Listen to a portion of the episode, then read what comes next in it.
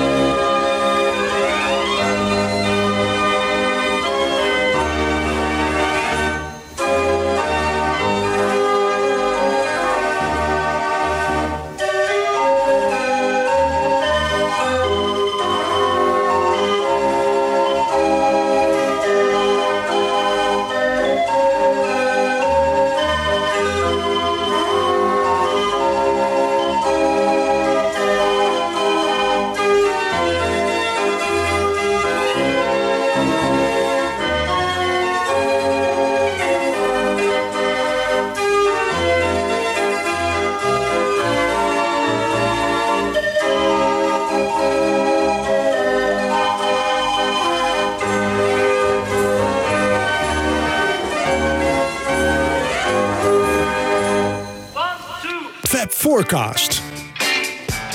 Ja, luisteraars. Wat een gezellig begin. Ja, Jan Kees. dit, dit had niemand verwacht natuurlijk. Hè? Dat we ooit nog eens een draaiorgel zouden horen aan het begin van de Fab Forecast. En jij was net aan het woord. Hier zit, naast mij zit weer... eh, Wiebo. En hier zit weer... Michiel. Ja, en het is inmiddels na middernacht, eh, diep in de nacht. We maken er voor jullie altijd hele late programma's van. Maar we doen het nog met plezier. En eh, ik hoop dat de heren nog even de ogen open houden, want het is wel weer... het, het, het is eh, wel een interessante... We gaan het hebben nu ehm, in eerste instantie over Being for the Benefit of Mr. Kite. En eh, ja, als ik daaraan denk, dan denk ik toch weer aan die poster hè, die ehm, als inspiratie diende. En ik wil niet te veel kritiek leveren op die box, maar één punt van kritiek vind ik wel dat ze niet de originele poster hebben meegeleverd. Want eh, dat kon dan schijnbaar niet. Je, eh, Wiebo, jij hebt er ook nog even naar gevraagd. We hebben er naar gevraagd hè, aan Ja. die eh, Ja. Guy Hayden, Ja. die, van Universal uit Engeland. En die zei dus dat ze van Yoko de originele poster hadden gekregen om het te reproduceren. Ja. Dat ze dat hebben geprobeerd en dat het resultaat echt niet om aan te zien was. En dat ze Ja. daarom gewoon de hele poster, de hele typografie, helemaal opnieuw hebben nagemaakt. Ja, ik kan... jij bent het daar niet mee eens. Nee, ik kan me dat niet voorstellen. En al, al, al zou die wat donkerder zijn of zo, ik bedoel, dat maakt ons toch niks uit. Dan hebben we die originele poster die bij John aan de, aan de wand heeft gehangen. En, en, en ook al is het af en toe dan misschien wat, wat, wat onduidelijker, maar dat maakt allemaal niet uit. Het- het- je- die- ik maar vind dat je. millennials het niet meer lezen. Ik denk dat, dat, dat die er toch een probleem mee zouden hebben. Nou Ja, ja, denk ik ook, ja. Doe het dan aan de ene kant Want dat zijn- dat zou de niet reproductie. perfect en zijn. Doe dan aan de ene kant de reproductie en aan de andere kant het origineel. Dan, dan laat ja, je maar dan slappen de millennials niet meer welke kant de, de echte Nou, ik vind was. dan moeten ze niet zoiets voor de millennials maken. Maar eh, ik denk ook dat wij hè, als Beatle-fans toch wel de grootste kopers zijn van deze Maar die poster die houdt jou bezig. Hè? Ja, ik vind dat Ja, niet. ik vind, dat- ik vind dat niet in de haak, jongens. Ik vind echt, als je zo'n dure eh, box maakt, dan vind ik, moet het ook goed zijn. En dan niet van het halve werk. En, en eh, hoe mooi ik eh, de, nagemaakte poster ook vind, ik had nu wel graag het origineel gezien. Maar goed, dat is even terzijde. Laten we even zeggen, even eh, Paul McCartney en John Lennon aan het woord over die poster. Well, Benefit of Mr. Kite was fantastic because that literally was straight off a poster that John had on his wall. I remember we walked into an antique shop in Sevenoaks in Kent and we were looking at what they had there and John f- pulled out this thing that he found which was said the benefit of Mr. Kite and it was virtually all the lyrics to that song. For the benefit of Mr. Kite, there will be a show tonight on trampoline. The Hendersons will all be there. Late of Pablo Frank is fair. What a scene. Everything is on this one poster for Pablo Franke's Fair, which is a genuine thing that must have happened in the 1800s. I bought it in a junk shop, and everything is from there except for the horse wasn't called Henry. And uh, that was mine from a poster which almost has the whole story in it about turning summer, how many, they call it somersets in Victorian days, uh, turning so many somersaults and Mr. Kite and all those names are all exactly on this this this Victorian poster. Yeah, I used to have it hanging on the wall and I just sang it. I had the piano, looked round, there was this whole story, so I just sang it. Ja. Heel erg leuk. Eh, Paul McCartney heeft het nummer eh, een paar jaar geleden ook gespeeld. En toen zei iedereen, ja, maar dat is toch een Lennon-nummer? En eh, toen zei McCartney, wat weten jullie daarvan? Ik was erbij dat het geschreven werd. En we hebben samen hebben we dat van die poster gehaald. Dus eh, McCartney wil ook nog wel enige credits voor, voor dit nummer hebben. Want hij zei op een gegeven moment, hè, want we hadden Fixing a Hole gehad natuurlijk. En hij zei, nu ben jij weer aan de beurt. Hè? Only Ja. Northern Song kwam ertussen. Maar jij bent nu weer aan de beurt voor een, voor een nieuw nummer. En Lennon, en dat, dan is het interessant. Want het lijkt een beetje Chuck Berry, die, die leende wel eens bij zichzelf. Nou, daar kon Lennon ook wat van. Laten we even luisteren naar de basismelodie van, eh, van Lennon. For the benefit of Mr. Kite, there will be a show tonight on trampoline. Twee jaar daarvoor schreef Lennon dit. I get high when I see you go by. Oké, en samen klinkt het zo. For the benefit of Mr. Kite, there be a show tonight on trampoline. Ja, is dit een Chuck Berrytje? Absoluut. Ja, Och, die John die, die jat ook alles wat los en vast zit. Hè? Zelfs bij zichzelf dus. zelf bij zichzelf. Ja. het mag zijn, maar wel. Ik wil, eh, hè? Chuck is er ook niet... eh, Voor straf moet hij een paar nummers van zichzelf opnemen. Op ja, nou ja, misschien dat Dick James zo moeilijk ging doen, toch? Op een gegeven moment. Ja, dat best gekund. Had best gekund, ja. Ja. ja. die verdienen nog het meeste eraan. Maar ik heb het ook altijd wel een beetje als, ehm, net zoals Good Morning, Good Morning. Don halen wel inspiratie uit dingen om zich heen. Maar was dat ook niet een beetje luiheid? Want normaal was hij natuurlijk gewoon echt een introspectieve eh, schrijver. Hè? Hij schreef over zichzelf. Ja, dat is waar. En nu waar. denk ik van ja, oh, geen zin in. Ja. Moet weer een nummer aanleveren van Paul. Oh, Ja. ik heb hier een poster. Leuk liedje. Ja, dus de tekst kwam al naar hem toe. Ja. En de melodie had hij al ooit Had eens hij ook al? Had hij ook al. Ja, en zo... eh, Maar dan is het weer toch, ga zelf maar eens even van een circusposter zo'n nummer schrijven. Ja, dat is ook zo, Nee, eh, eh, Ik beschuldig hem ja, nergens nee, van, maar goed. Michiel, zet het weer even in, in, in juist perspectief. Want het, als wij erop kregen van... maak maar met een oude Beatle-melodie en een nieuwe poster een nummer... dan zou het ons niet lukken. Dus daar ben ik het helemaal mee eens. Ja, maar A Day in Life ook, komt ook uit een krant. Hè? Daar haalde hij eh, voor dat zijn inspiratie uit. Ja, ja nee, precies. Maar haalde inspiratie voor de nummers op Pepper wel uit externe dingen. Lucy in the Sky trouwens ook. Van een tekening van Julian. Ja, maar allemaal wel in zijn omgeving. Hè? Het, Ja. had allemaal wel met hem te maken. Hij las die kranten, hij zag die tekening. Ja, Dat is waar. hij zag die poster. Dus eh, het was heel dichtbij. Nou, dan gaan ze dus eh, de studio in. Ehm vind ik wel leuk om even die tracks te volgen. Hè? Want dan hebben ze een viertrack eh, machine. En, en, maar daar staan zitten vier sporen op. En op spoor 1 eh, gaat McCartney een mooie bas eh, daarvoor verzinnen. En dat klinkt ongeveer zo.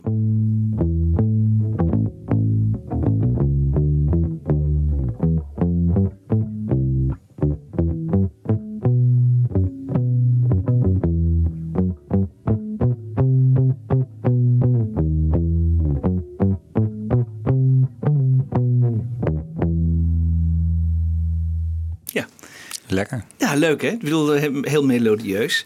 Eh, op track 2 eh, de vocals van John Lennon.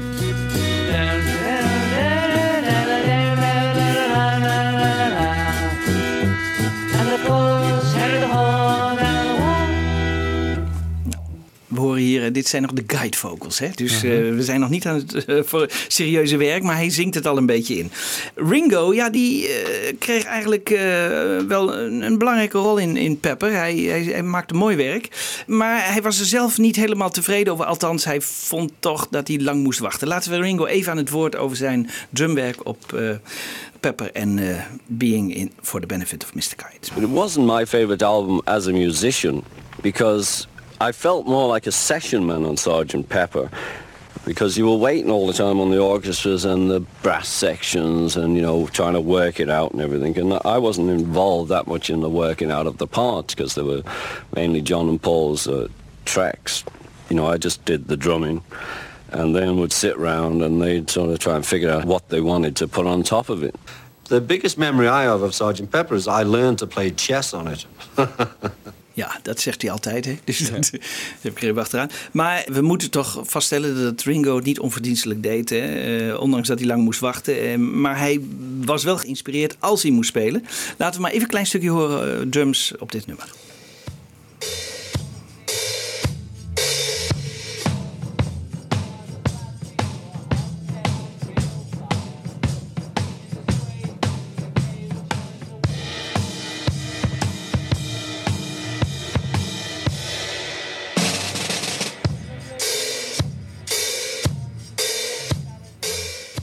Knap hoor. Het is volgens mij heel best moeilijk om dit te drummen. Ja, en, en, Niet. En, nou, dat weet ik niet. Dat, Mm, dat met die- die kan roffel erin, die roffel- beetje Ja, het is wel een beetje circusachtig. Hè? Hij weet Ja. het wel goed eh, te...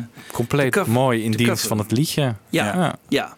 En het is wel heel sneu, want we horen dus op de achtergrond ook nog een tamboerijn. En die was van George. George was gedegradeerd tot eh, tamboerijn.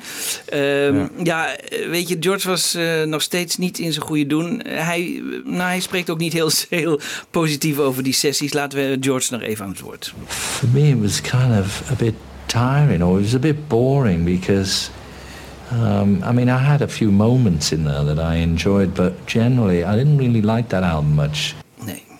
Nee. Hij, Nee, heeft, omdat hij geen rol eh Hij heeft geen had. rol Nee. en, en, en, en zijn nummers worden afgekeurd. En ja, eh, zijn, zijn solos worden afgekeurd. En, maar hij is misschien ook niet heel erg geïnspireerd. En hij wil misschien wel niet. Het, ik, wij weten het niet. Ja, maar, zijn eh, hoofd zat in India, zegt hij altijd. hè? ja, ja, hij komt gelukkig later nog weer heel goed terug. Maar eh, voorlopig is het even eh hommeles.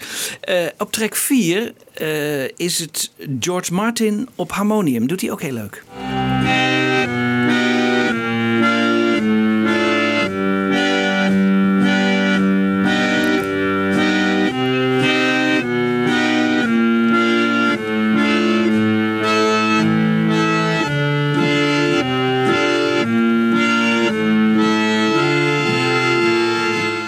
Zo'n harmoniumspelen is niet makkelijk, want je moet ook zelf, geloof ik, de lucht in, in pompen met je benen. En dat moest zeven takes plus eh, de rehearsal plus de oefening. Dus eh, die George Martin was doodop en Jo- Jeff Emmerich heeft daar nog wel herinneringen aan. I always remember that overdub because I think George was pumping away at that harmonium, and, and I think they spent about six hours doing that, and eventually George just collapsed on the floor out of sheer exhaustion. Ja, hij was echt doodop. Ehm, nou, dan gaan ze uiteindelijk take 1 opnemen. En ehm, wat, wat dan interessant is, hè, eh, normaal eh, degene die eigenlijk altijd het nummer eh, had gecomponeerd, die nam ook de leiding. Maar omdat John Lennon eigenlijk wat, ja, zoals we al hebben gezegd, ook niet al te geïnspireerd was, moe, had niet al te veel zin altijd. Dus hierbij nam Paul de leiding. En dat is wel interessant. Hè? Je hoort dus dat Paul eigenlijk vertelt aan John hoe hij moet gaan zingen. Dus we hebben een stukje take 1 en dan het commentaar van Paul hoe John dat het beste kan vertolken. Laten we maar even luisteren. For the benefit of Mr. Kite. For the benefit of Mr. Kite, this is take one. Being for the benefit.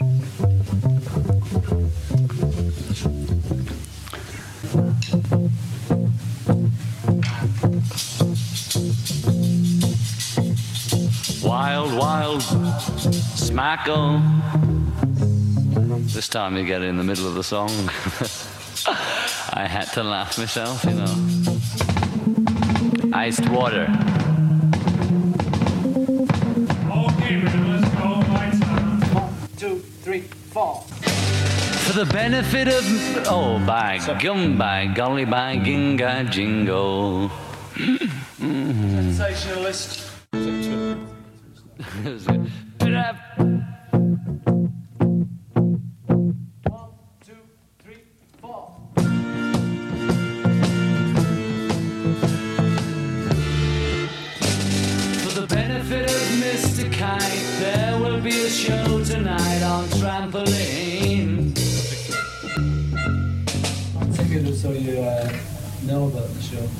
especially in the last verses when you don't know about the show. Tell someone's that. I was trying to see it as a big get it in, you want to get it in. In all the little breaks that are left for you singing. Hmm. What is that? I don't know. Ja. Wat is precies het punt wat Paul maakt? Eh, Je, Nou, je moet zingen alsof je erbij bent of zo? Ja, zoiets. Hij, zegt, eh, je moet het toch op een beetje een andere manier eh, zingen. En hij doet een beetje voor hoe hij dat nou dan zou moeten zingen. Maar het is wel duidelijk dat McCartney een beetje nu de leiding neemt. Hè? Bij, en dat doet hij bij Lucy in the Sky later ook. Dat, eh, dat is Ja. heel duidelijk. Dat is wel grappig. En dat hebben we nog niet eerder, tenminste van alle outtakes hebben we dat nog niet eerder gehoord. Dat bij een Lennon-nummer McCartney vertelt hoe Lennon het moet doen Nou, eigenlijk. nee, nee oké. Hè? Bij Life toch ook? Ja, Ja, ja, ja, ja, dat ja. is wel zo, ja. Ja, bij the Life. Dus het gebeurt eigenlijk hier. Op deze plaat. voor Op deze plaat, Ja, hè, ja. voor het eerst. Dus, Ja, ja. eh, eh, want je ziet gewoon, McCartney wil graag dat het goed wordt. Hè? En die is, die is heel eager dat het... Die, is- dat is gewoon de drijvende kracht achter deze hele plaat. Ja. Nou. John klonk ook een beetje stoned, vond ik op een gegeven moment. een beetje Het zou me niet verbazen. Ja, het zou, Ja. Me, ja, ja, het zou me niet verbazen als hij daar weer enige middelen tot zich heeft genomen. Ja. Ehm, we gaan eh, eh, naar take 7. Daar heb ik een reconstructie van gemaakt. En die is zo leuk omdat het einde van George Martin, ook met, die, met het harmonium, is mooi. En dit is dus eigenlijk de basis om verder op door te gaan. Take 7.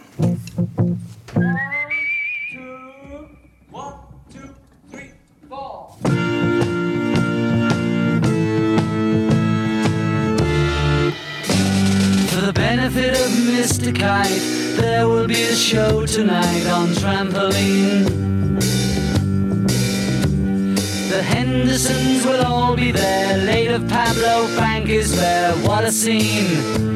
Over men and horses, hoops and garters. Lastly, through a hogshead of real fire. In this way, Mr. K will challenge the world. Celebrated Mr. K performs his feat on Saturday at Bishopsgate. The Hendersons will dance and sing as Mr. Kite flies through the ring. Don't be late. Messrs. K and H assure the public their production will be second to none. And of course, Henry the Horse dances the waltz.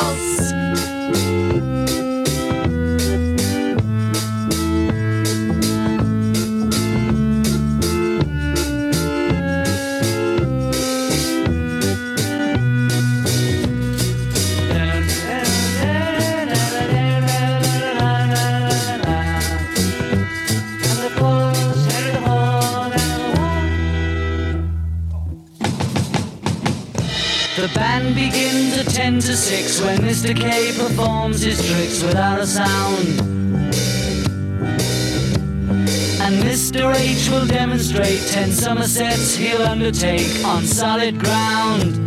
There've been some days in preparation, a splendid time is guaranteed for all. And tonight, Mr. Kite is topping the bill.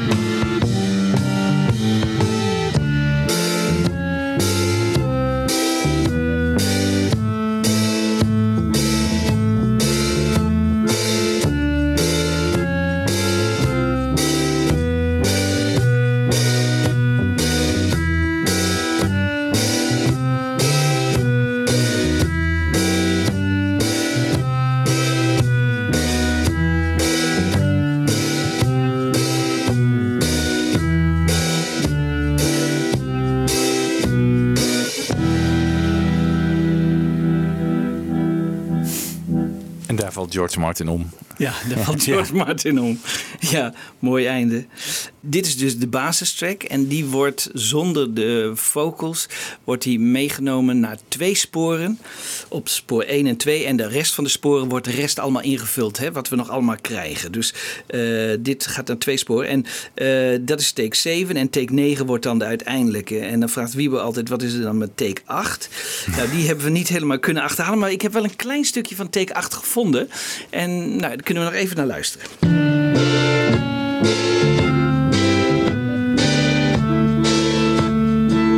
Waar is los haben hier? Zeker. Waar is going? Dat is het enige wat we hebben. Ja. Die ging mis dus. Die ging mis. Ja. Die ging mis. Nou, en dan, eh ja, dan Lennon is nog niet tevreden, hè, want hij wil natuurlijk allerlei leuke dingen daarin voeren. Eh, ze zitten eerst aan te denken aan een soort orgelachtig iets. Eh Lennon had wel iets in zijn hoofd, maar hij kon het nog niet precies vertellen. Laten we George Martin maar even aan het woord. He wanted to create a sound picture of what the song was all about. And he actually said to me, I want to smell the sawdust. Ja, I want to the smell the sawdust. Hè. Zaagsel ruiken. zaagsel ruiken. Ja. Dat, dat, dat, maar ja, goed. eh, ja, dat, is, dat is de opdracht dan aan, aan, aan George Martin. En George Martin dacht, nou, orgel. Ja, iets, iets met een orgeltje of zo. Eh, hij dacht aan de Sneeuwwitje en de Zeven Dwergen.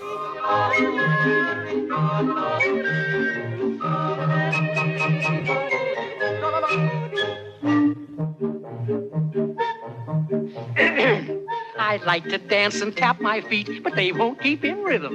You see, I washed them both today and I can't do nothing with them. Ja. ja. Dat zou een mogelijkheid geweest kunnen zijn, maar Lennon vond het niks. Hij zegt, nee, ik denk meer aan eh, Magic Roundabout. Dat is een soort kinderprogramma, wat elke dag speelt... en waar hij naar zat te kijken of zat te luisteren. Of, het stond in ieder geval aan. En daar hoorde hij een orgeltje in, in de herkenningsmelodie. Laten we maar even luisteren.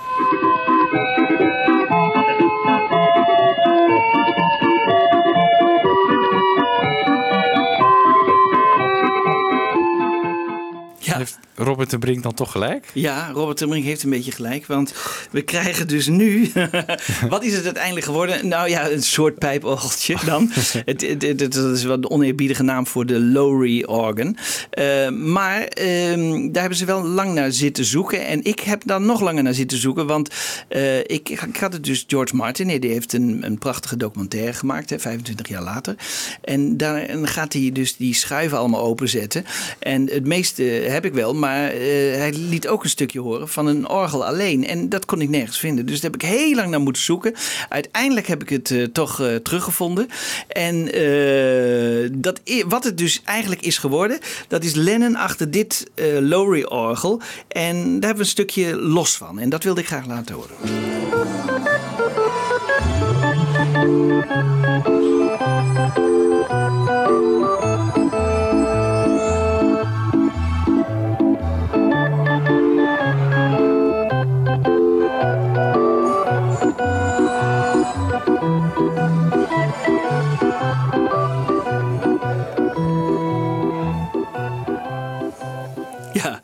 Dat is wel grappig, hè? Het is eigenlijk. Dit, dit lijkt wel een beetje op die Magic Roundabout, hè? Die, eh, het kinderprogramma.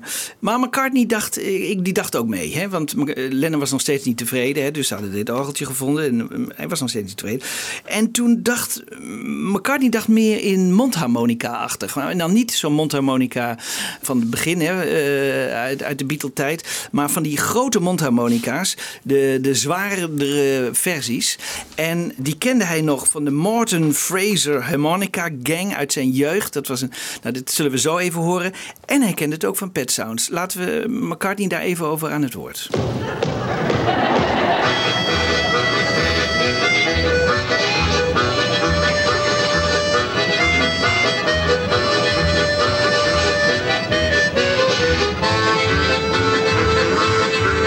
We always loved the Morton Fraser harmonica gang. When we were kids, it was a little TV thing where a little bloke came on and they all pushed him out the way. But it was those giant big bass, ho, ho, ho, ho. And John used to play harmonica, so we always liked that. But when I heard them on uh, Pet Sounds, there's, there's a lot of harmonica, bass harmonica. He uses that.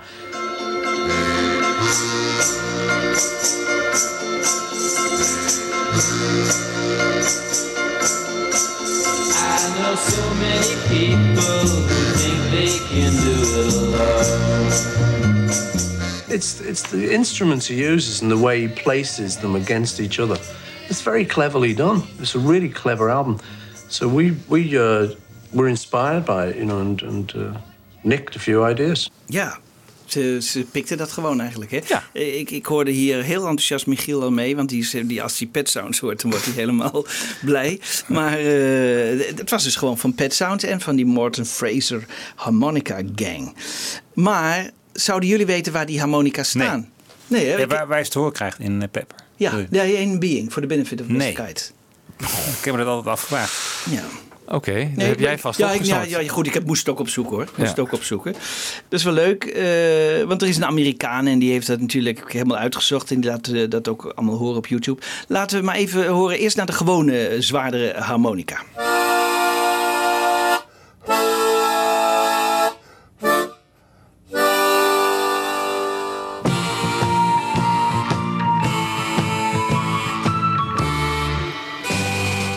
Ja, ja, nu hoor ik ze Nu wel, hoor je ja. ze, nu hoor je ze. En dat is wel grappig. En ze komen nog één keer terug. Eh, maar wie speelde die eh, harmonica's? Dat waren eh, niet degene die dat konden spelen. Dus dat was, de, de mening lopen een beetje uiteen. Maar Ringo zou het hebben gespeeld. Mel Evans zou het hebben gespeeld. Neil Aspinall zou het hebben gespeeld. George Harrison heb ik hier ook een foto waar die achter die mondharmonica.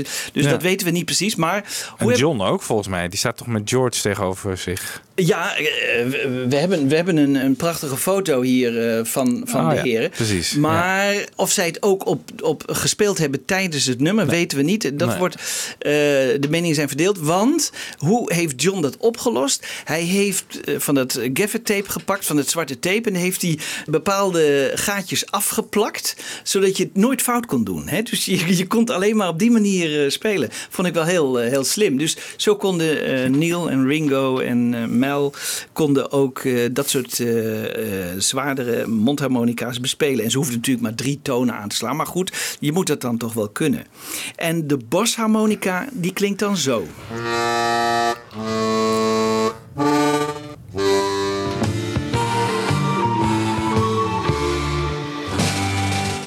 Maar je moet, die invloed van, van Pet Sounds is wel echt even zoeken, zeg maar. Op. Het is niet heel evident. Nee, het is niet heel evident. Nee, nee. Eh, later komen er nog... eh, eh, Lovely Rita wordt gezegd, de, de, de achtergrondkoortjes... dat die heel erg gebaseerd zijn weer. Maar het is niet heel erg dat je één op één kunt zeggen van dat. En wel het gebruik van dit instrument, hè, want dat is, dat is heel duidelijk iets van Brian Wilson. Maar het is niet, niet dat je direct één op één kunt zeggen. Nou, ehm Len natuurlijk nog steeds niet tevreden... want dit, dit is weer een stapje verder. Dan komt Paul, die heeft net een nieuwe gitaar gekregen. Of gekocht, ik weet niet eh, hoe dat ging in die tijd. Een Fender Esquire. En ehm, hij had gedacht, nou, als ik die nou eens ga opnemen, 32% langzamer. Dus dan, dan, dan gaat hij dus eh, een totaal ander geluid geven. Dat, dat vind ik ook wel heel grappig. Laten, nou, ik, ik laat eerst even horen hoe het op de plaat klinkt. En dan in de originele snelheid hoe Paul dat heeft ingespeeld op zijn nieuwe gitaar.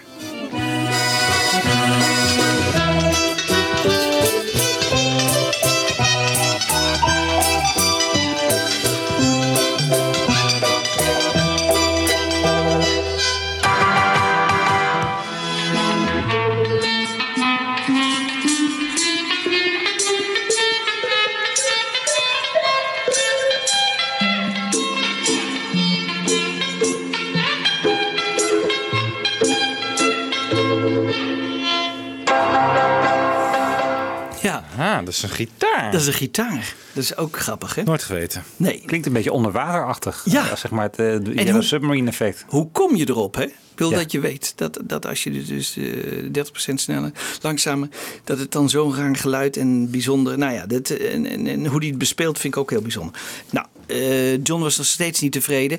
Eh, John zegt: denk eens aan een kermis tegen George Martin. Dus George Martin die begon aan een kermis te denken. Think for yourself for a moment what, what it's like to go to a fairground and shut your eyes and think what sounds you would hear.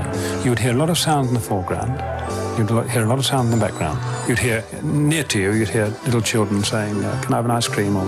You'd hear gunshots to the rifle arcade, and you'd hear dodgems, and then in the distance you'd hear a hurdy-gurdy, and you'd hear further cries and sparkers chilling out. It'd a, but it'd be very distant. So it was that distant kind of thing that I wanted.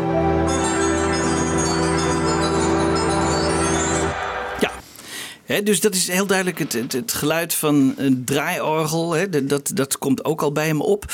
Eh, hij denkt dus, ik moet een soort kaleidoscoop van allerlei geluiden gaan maken. En dat draaiorgel, dat speelde dan toch wel een belangrijke rol. Want kijk, als we in Nederland een draaiorgel in de studio willen hebben... is dat in een handomdraai gebeurd. Maar in Engeland is dat niet zo makkelijk. Dat, dat noemen ze daar een steam organ. En, en die zitten vaak ook vast en zo. Niet zoals in Nederland op wielen en eh, afijn. Want ze wilden heel graag een soort draaiorgelachtig eh, iets in de studio hebben.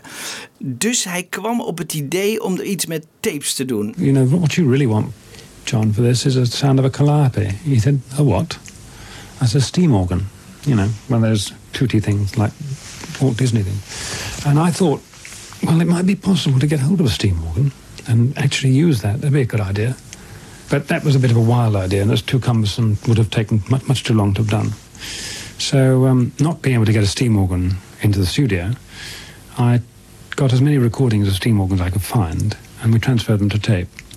And they were all Susan Marches and things like Scotland Brave and that kind of thing. So I told the engineer, Jeff Emmerich, to chop them all up into one foot lengths. And he did that. I said, now throw them all up in the air. He did that. I said, now pick them up again and stick them together again. So he did that. And it wasn't quite as effective as I thought because some of the bits came together too well. They, they joined up in the way they started, you know. Because once we'd stuck them and then rejoined them, hoping that they would all make up some weird different tune, but because it came back identical, which was you know a million to one chance of doing that. So I said, that's no good. Turn that one round back to front. So eventually we, we made up a background tape which was just chaos. It was just cacophony. It was just nothing at all. But undeniably, it was the sound of a steam organ. Ja. Hmm. Die, de andere stem die hoorde was Jeff Emmerich, de, Ja. de technicus. En het is wel grappig, Jeff Emmerich zegt in zijn boek dat hij op het idee kwam om die eh, tapes allemaal zo te knippen. Omdat ze dat ook bij Yellow Submarine hadden gedaan. Hadden ze ook al een, een soort bestaand nummer omge, door, door te knippen en iets heel anders van gemaakt. En Ja. dat wilden ze dus weer herhalen. En Jeff zegt dus dat het zijn idee was. George Martin zegt dat het zijn idee was. Nou ja, de waarheid ligt in het midden. Maar ik heb wel die tape, die destijds eh, dus gemaakt is, los. Die kunnen we wel even laten horen.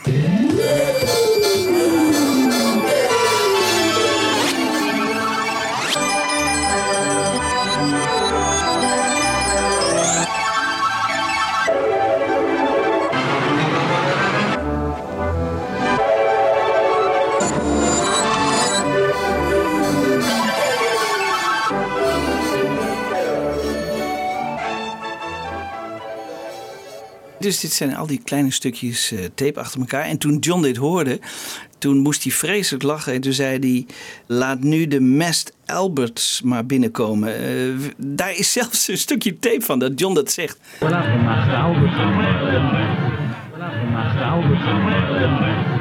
Het is slecht te verstaan, maar hij zegt: laat nu de Mest Alberts maar binnenkomen. Wie waren nou Mest Alberts? Dat was een soort. eh, we kunnen misschien best te vergelijken met een soort dik voor elkaar show-achtige. hè, eh, een, een groep mensen die op het toneel weliswaar optraden. En alles liep dan in het honderd en het ging helemaal mis. Eh, George Martin had die ooit opgenomen eh, in de jaren eh 50. Ik heb een klein stukje Mest Albert.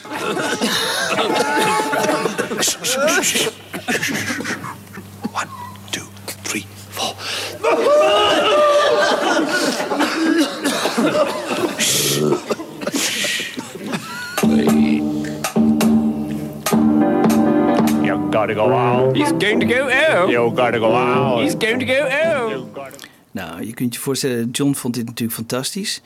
Eh, die opmerking ook, maar George Martin kon dat niet helemaal waarderen. Eh, als hij iets niet heel erg leuk vond, dan zei hij honestly. En daar bedoelt hij eigenlijk mee van, eh, kun je niet menen, dit is een flauwe opmerking. Maar, want ja, George Martin had natuurlijk enorm veel energie erin gestoken. En het enige wat John dus op dat moment maakte, was die opmerking. Dus dat vond hij natuurlijk niet heel erg leuk. Ehm, die tape, die loopt overigens ook weer niet op de goede snelheid. Dus die heb ik even op de goede snelheid gebracht. En ik heb hem weer uit elkaar gehaald. Dus dan kun je precies horen eh, dat het uit ongelijke stukken bestaat. En eh, hij speelt in werkelijkheid dus wat langzamer.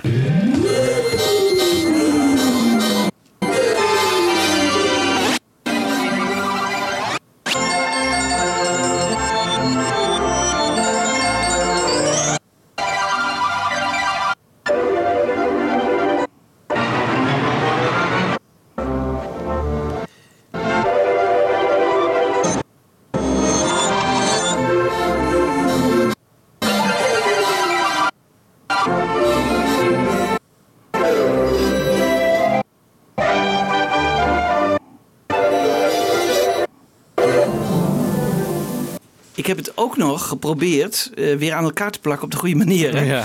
Dus eh, de, de, stukken die omgedraaid zijn weer in, in, in de goede volg. Maar dat ging niet helemaal lukken. Want eh, het, het mislukte dus de eerste keer. Dus ik denk dat ze verschillende overal vandaan hebben gehaald. Hè. Dus eh, het, het, waren bijna geen stukken meer die nog echt aan elkaar geplakt konden worden. Maar ik, ik hoop dat we nog eens horen waar dat nou precies vandaan kwam. Want ik denk dat ze een stukje gepikt hebben. Want het einde van dit nummer. Ik denk dat de Beatles heel veel kunnen, maar eh, dit kunnen ze echt niet, dit einde.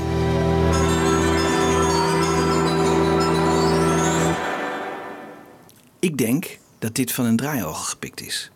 Dus van een van die tapes. En om mijn theorie een beetje te staven, eh, ben ik gaan zoeken in die, in die tapeband met al die draaiorgels. En ik vond er één eh, die er wel een beetje op lijkt. Sorry, ik moet heel erg lachen.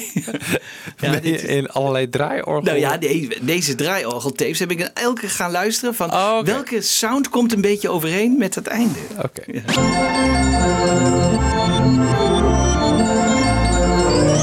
Dus ik heb hem op. eh, Nu gaan we naar 33 toe. En da- daar eh, heb ik hem samen eh, met het einde. Dus dan, dan kun je een beetje zien dat het toch wel wat, wat op elkaar lijkt.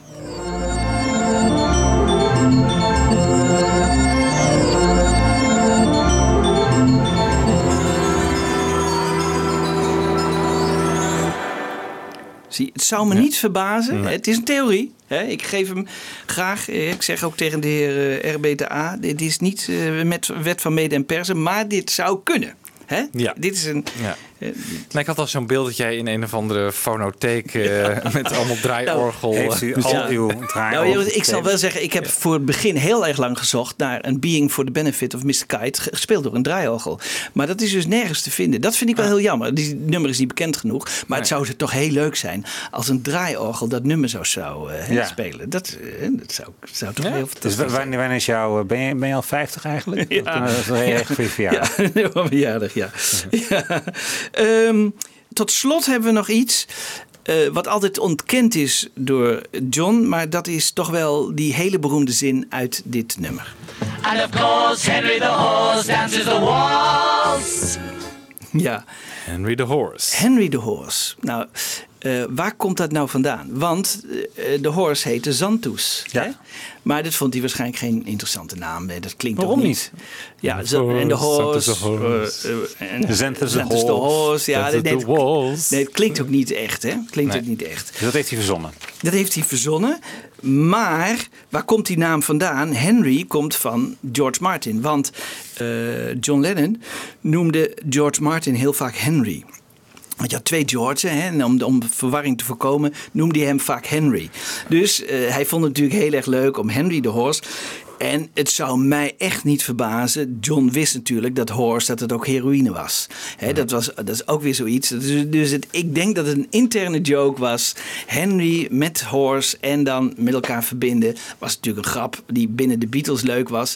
En, eh, want hij heeft later altijd ontkend. Ja, nee, het had niks met drugs te maken. Nee, het had ook niks met drugs te maken. Maar in die zin was het natuurlijk wel een soort eh, grap. Hè? Dus Ja. eh, Henry de Horse. Maar er zat dus wel een, een, een horse op die, op die poster. En die heette dan... Ja, en die heette Zantus. Zantus, oké. Ja, er was dus geen, eh, geen naam voor eh, die John kon gebruiken. Dus daarom, Ja. ik denk dat, dat, dat Paul en John daar thuis even naar elkaar geknipoogd hebben.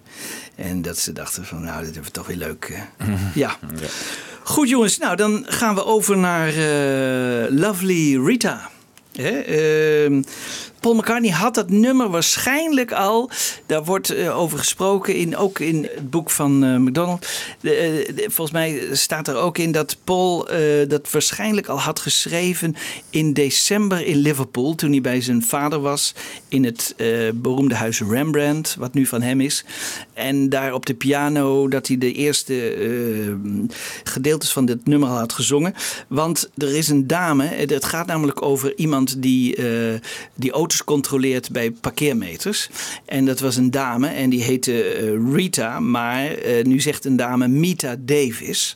Die heeft vaak in de krant beweerd, ja, ik was het die eh, Paul een bon heeft gegeven. En toen kwam die bij me en toen zegt hij, heet jij echt Mita Davis? En toen zei ze, ja, want er is nog een Davis en ik moet mijn, mijn bonnen ondertitelen met, onder, onderschrijven met Mita Davis, want anders ontstaat de verwarring. En toen zei Paul weer, oh, wat een leuke naam, Mita Davis, mag ik die gebruiken voor een song? En eh, toen zei zij, nou, dat is eh, prima. En een, eh, een half jaar later hoorden ze dus dat, dat nummer. Maar Paul heeft dat altijd ontkend. Hij zegt, nou, het is niet, mij niet bekend. Het zou kunnen dat ik haar heb gesproken en dat het zo is gegaan. Wat wel bekend is, is dat hij het op de piano heeft geschreven.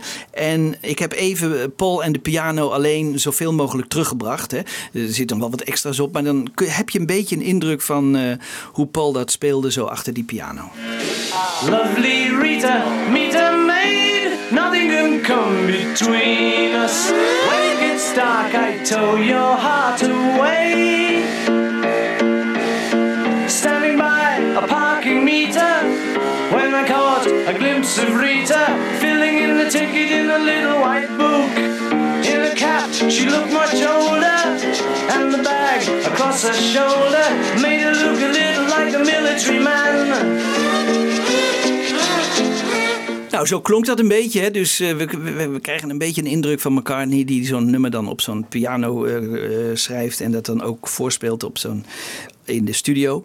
Maar zo moet het ongeveer een beetje geklonken hebben. En dan is er een, een stukje waar tekst... waar wel iets grappigs over te zeggen valt. Dat is het volgende. Took her out and tried to win her. Had a laugh and over dinner. Ja.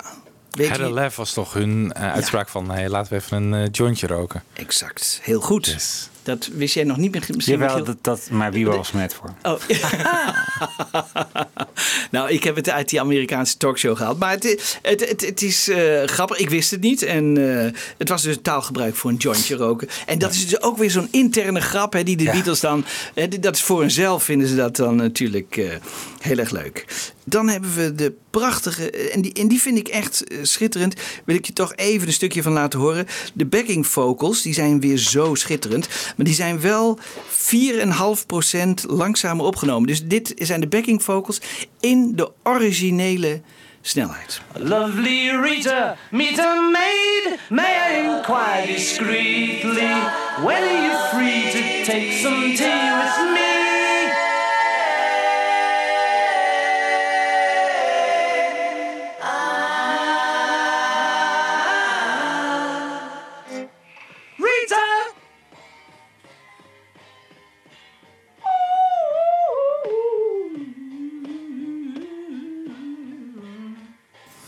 Ja, wilde ik toch even erbij laten horen, want dat zijn altijd van die leuke dingen. hè. Dat je ze nog even. Maar jongens, kijk, we hadden het laatst eh, met Michiel ook even over de Beach Boys. Nou, dit noemt Paul dus een, een invloed van de Beach Boys van, eh, eh, van Pet Sounds. Hè? Dus die, die, die achtergrondkoortje. Ja. En daarbij waren aanwezig twee mensen, tenminste die waarvan we het weten: Davy Jones hè, van de, eh, Monkees. van de Monkees en Sean Phillips. En die Sean Phillips, dat was ook een, een zanger uit Amerika. En die zei: Ik heb meegezongen. Ik heb meegezongen. En dat staat ook in verschillende Beatle-boeken staat dat vermeld. Dat die Sean Phillips eh, zou hebben meegezongen. Maar ik haal het er niet uit. Want we hebben nu wel mee. eh, we hebben eh, al eerder gehad dat Mel en Neil meezongen op Sgt. Pepper. Maar enige andere mensen in de- gedurende die Beatle-tijd die hebben meegezongen in het achtergrondkoortje is mij niet bekend. Maar misschien jullie wel, Nee. maar ik kan het me vergissen. Ik heb het nooit eerder gehoord, eh, nee. Nee, hè? Nee. Nou ja, laten we nog even een stukje horen dan van. eh, Misschien was hij ook wel Jezus, zeg maar. Van die, eh, ja, ja of, of jullie Sean Phillips eh, ertussen horen, maar het is in ieder geval mooi genoeg. Eh, laten we nog even een stukje horen. Oh, lovely Rita, meet a maid. Where would I be without you? Give us a wink and make me think of you.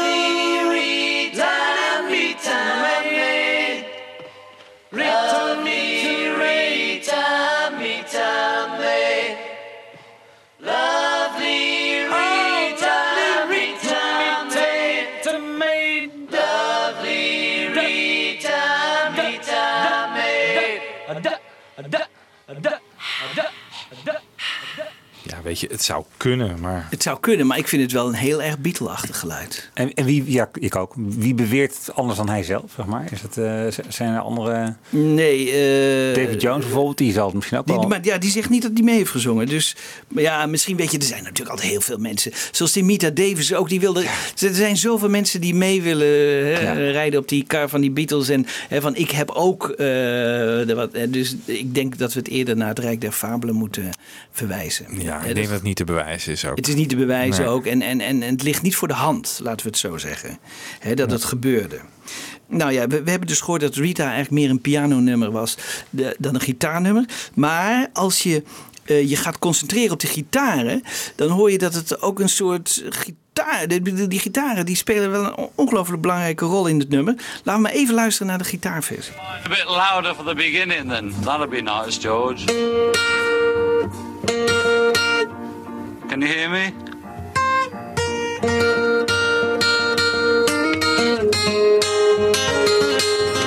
My guitar still seems to go in and out like it's like the lead's wrong.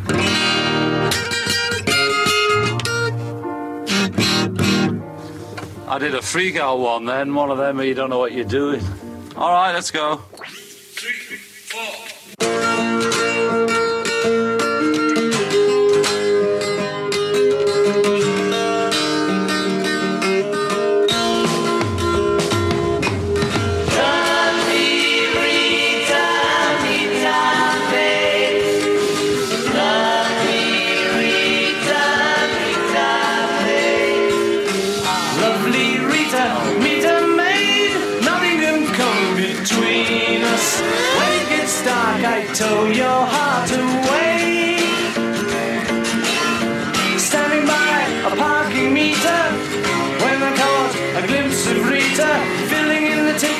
little white book.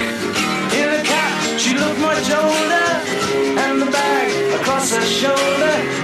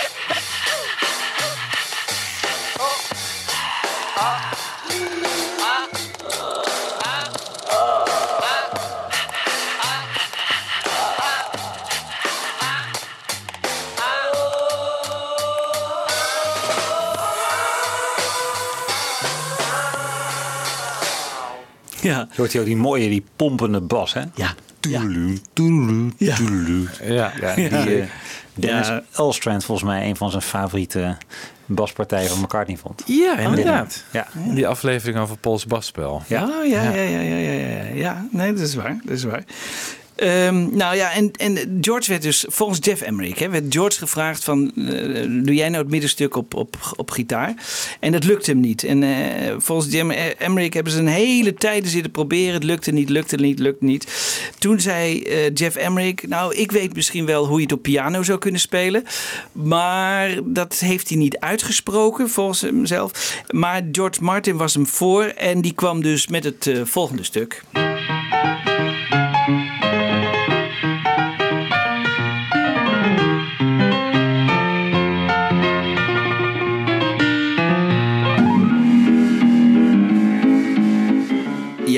Nou, Ja. George, George Martin was virtuoos, maar ook weer niet zo. Want op die, zo kon hij het ook niet spelen.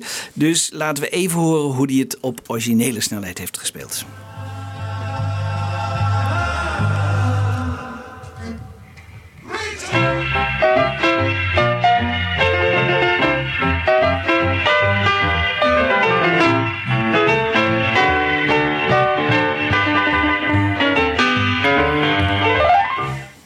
In My Lifeje. Ja, en in mijn lijfje. Ja.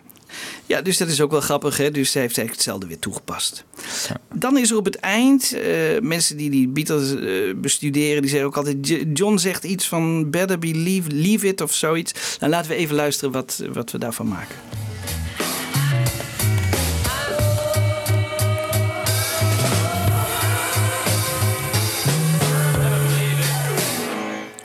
I'm leaving. Ja, zoiets. Nou, ik heb de multis er even bij gehaald. Dit is, dit is het verse zoals we komen.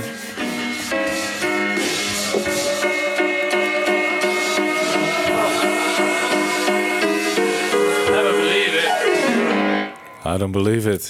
ja, I don't believe it. Ja, wat hij daarmee bedoelt, we weten het niet.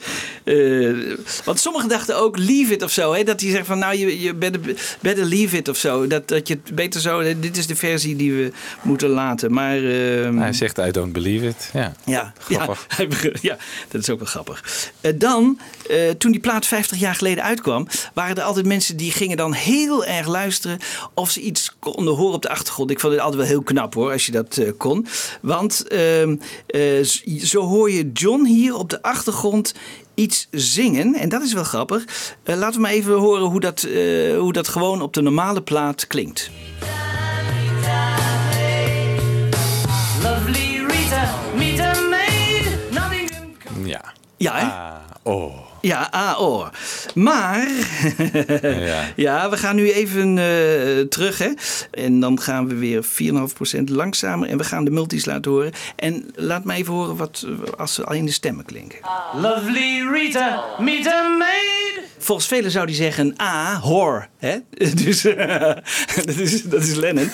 Nu, nu heb ik gevraagd aan Hens Zimmerman, en dat is de beste geluidsmixer van de tv hier in Hilversum.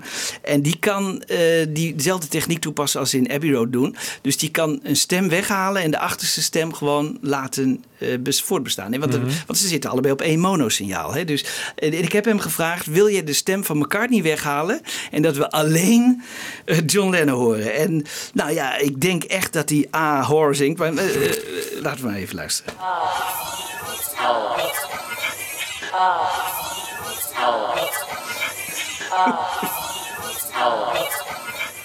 Ja, dus Dat zeggen dat soort eh, mensen tegen jou.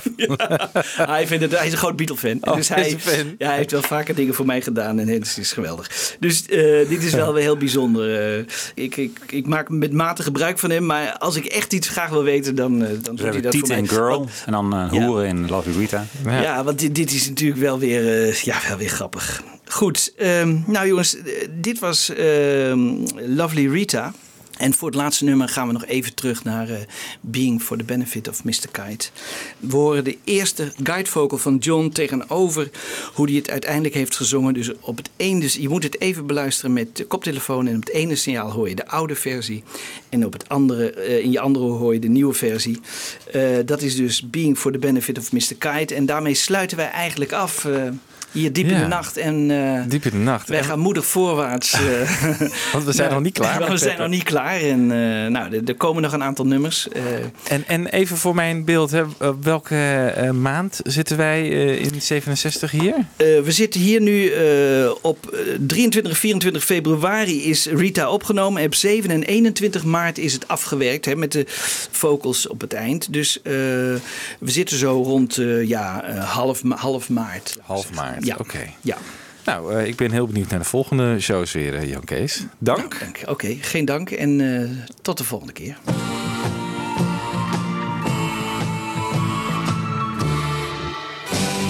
The benefit of Mr. Kite, there will be a show tonight on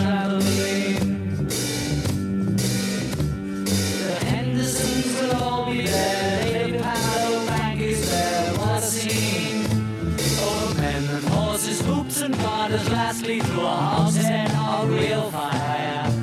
In this way, Mr. K will challenge the world.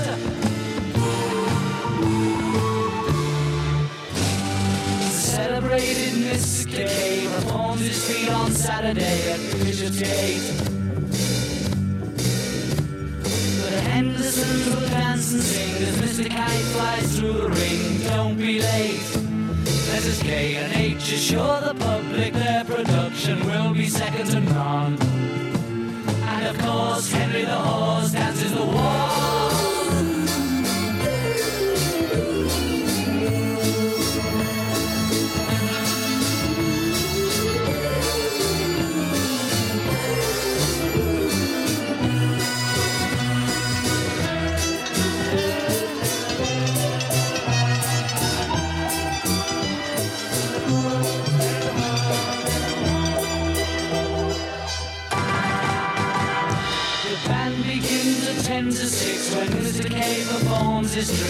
Without a sound. And Mr. Will demonstrate ten somersaults he'll undertake on solid ground. Having been some days in preparation, a splendid time is guaranteed for all. And tonight, Mr. Kite is topping the bill.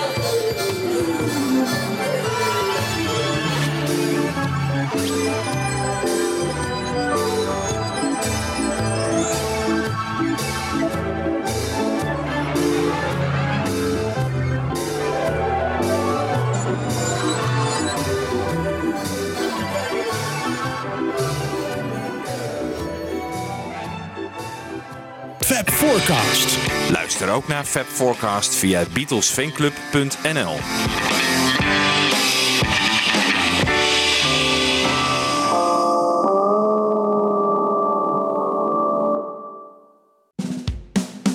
Dit was een podcast van Avro Tros.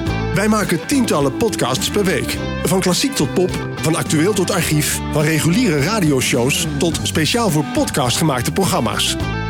Kijk voor meer podcasts op avrotros.nl.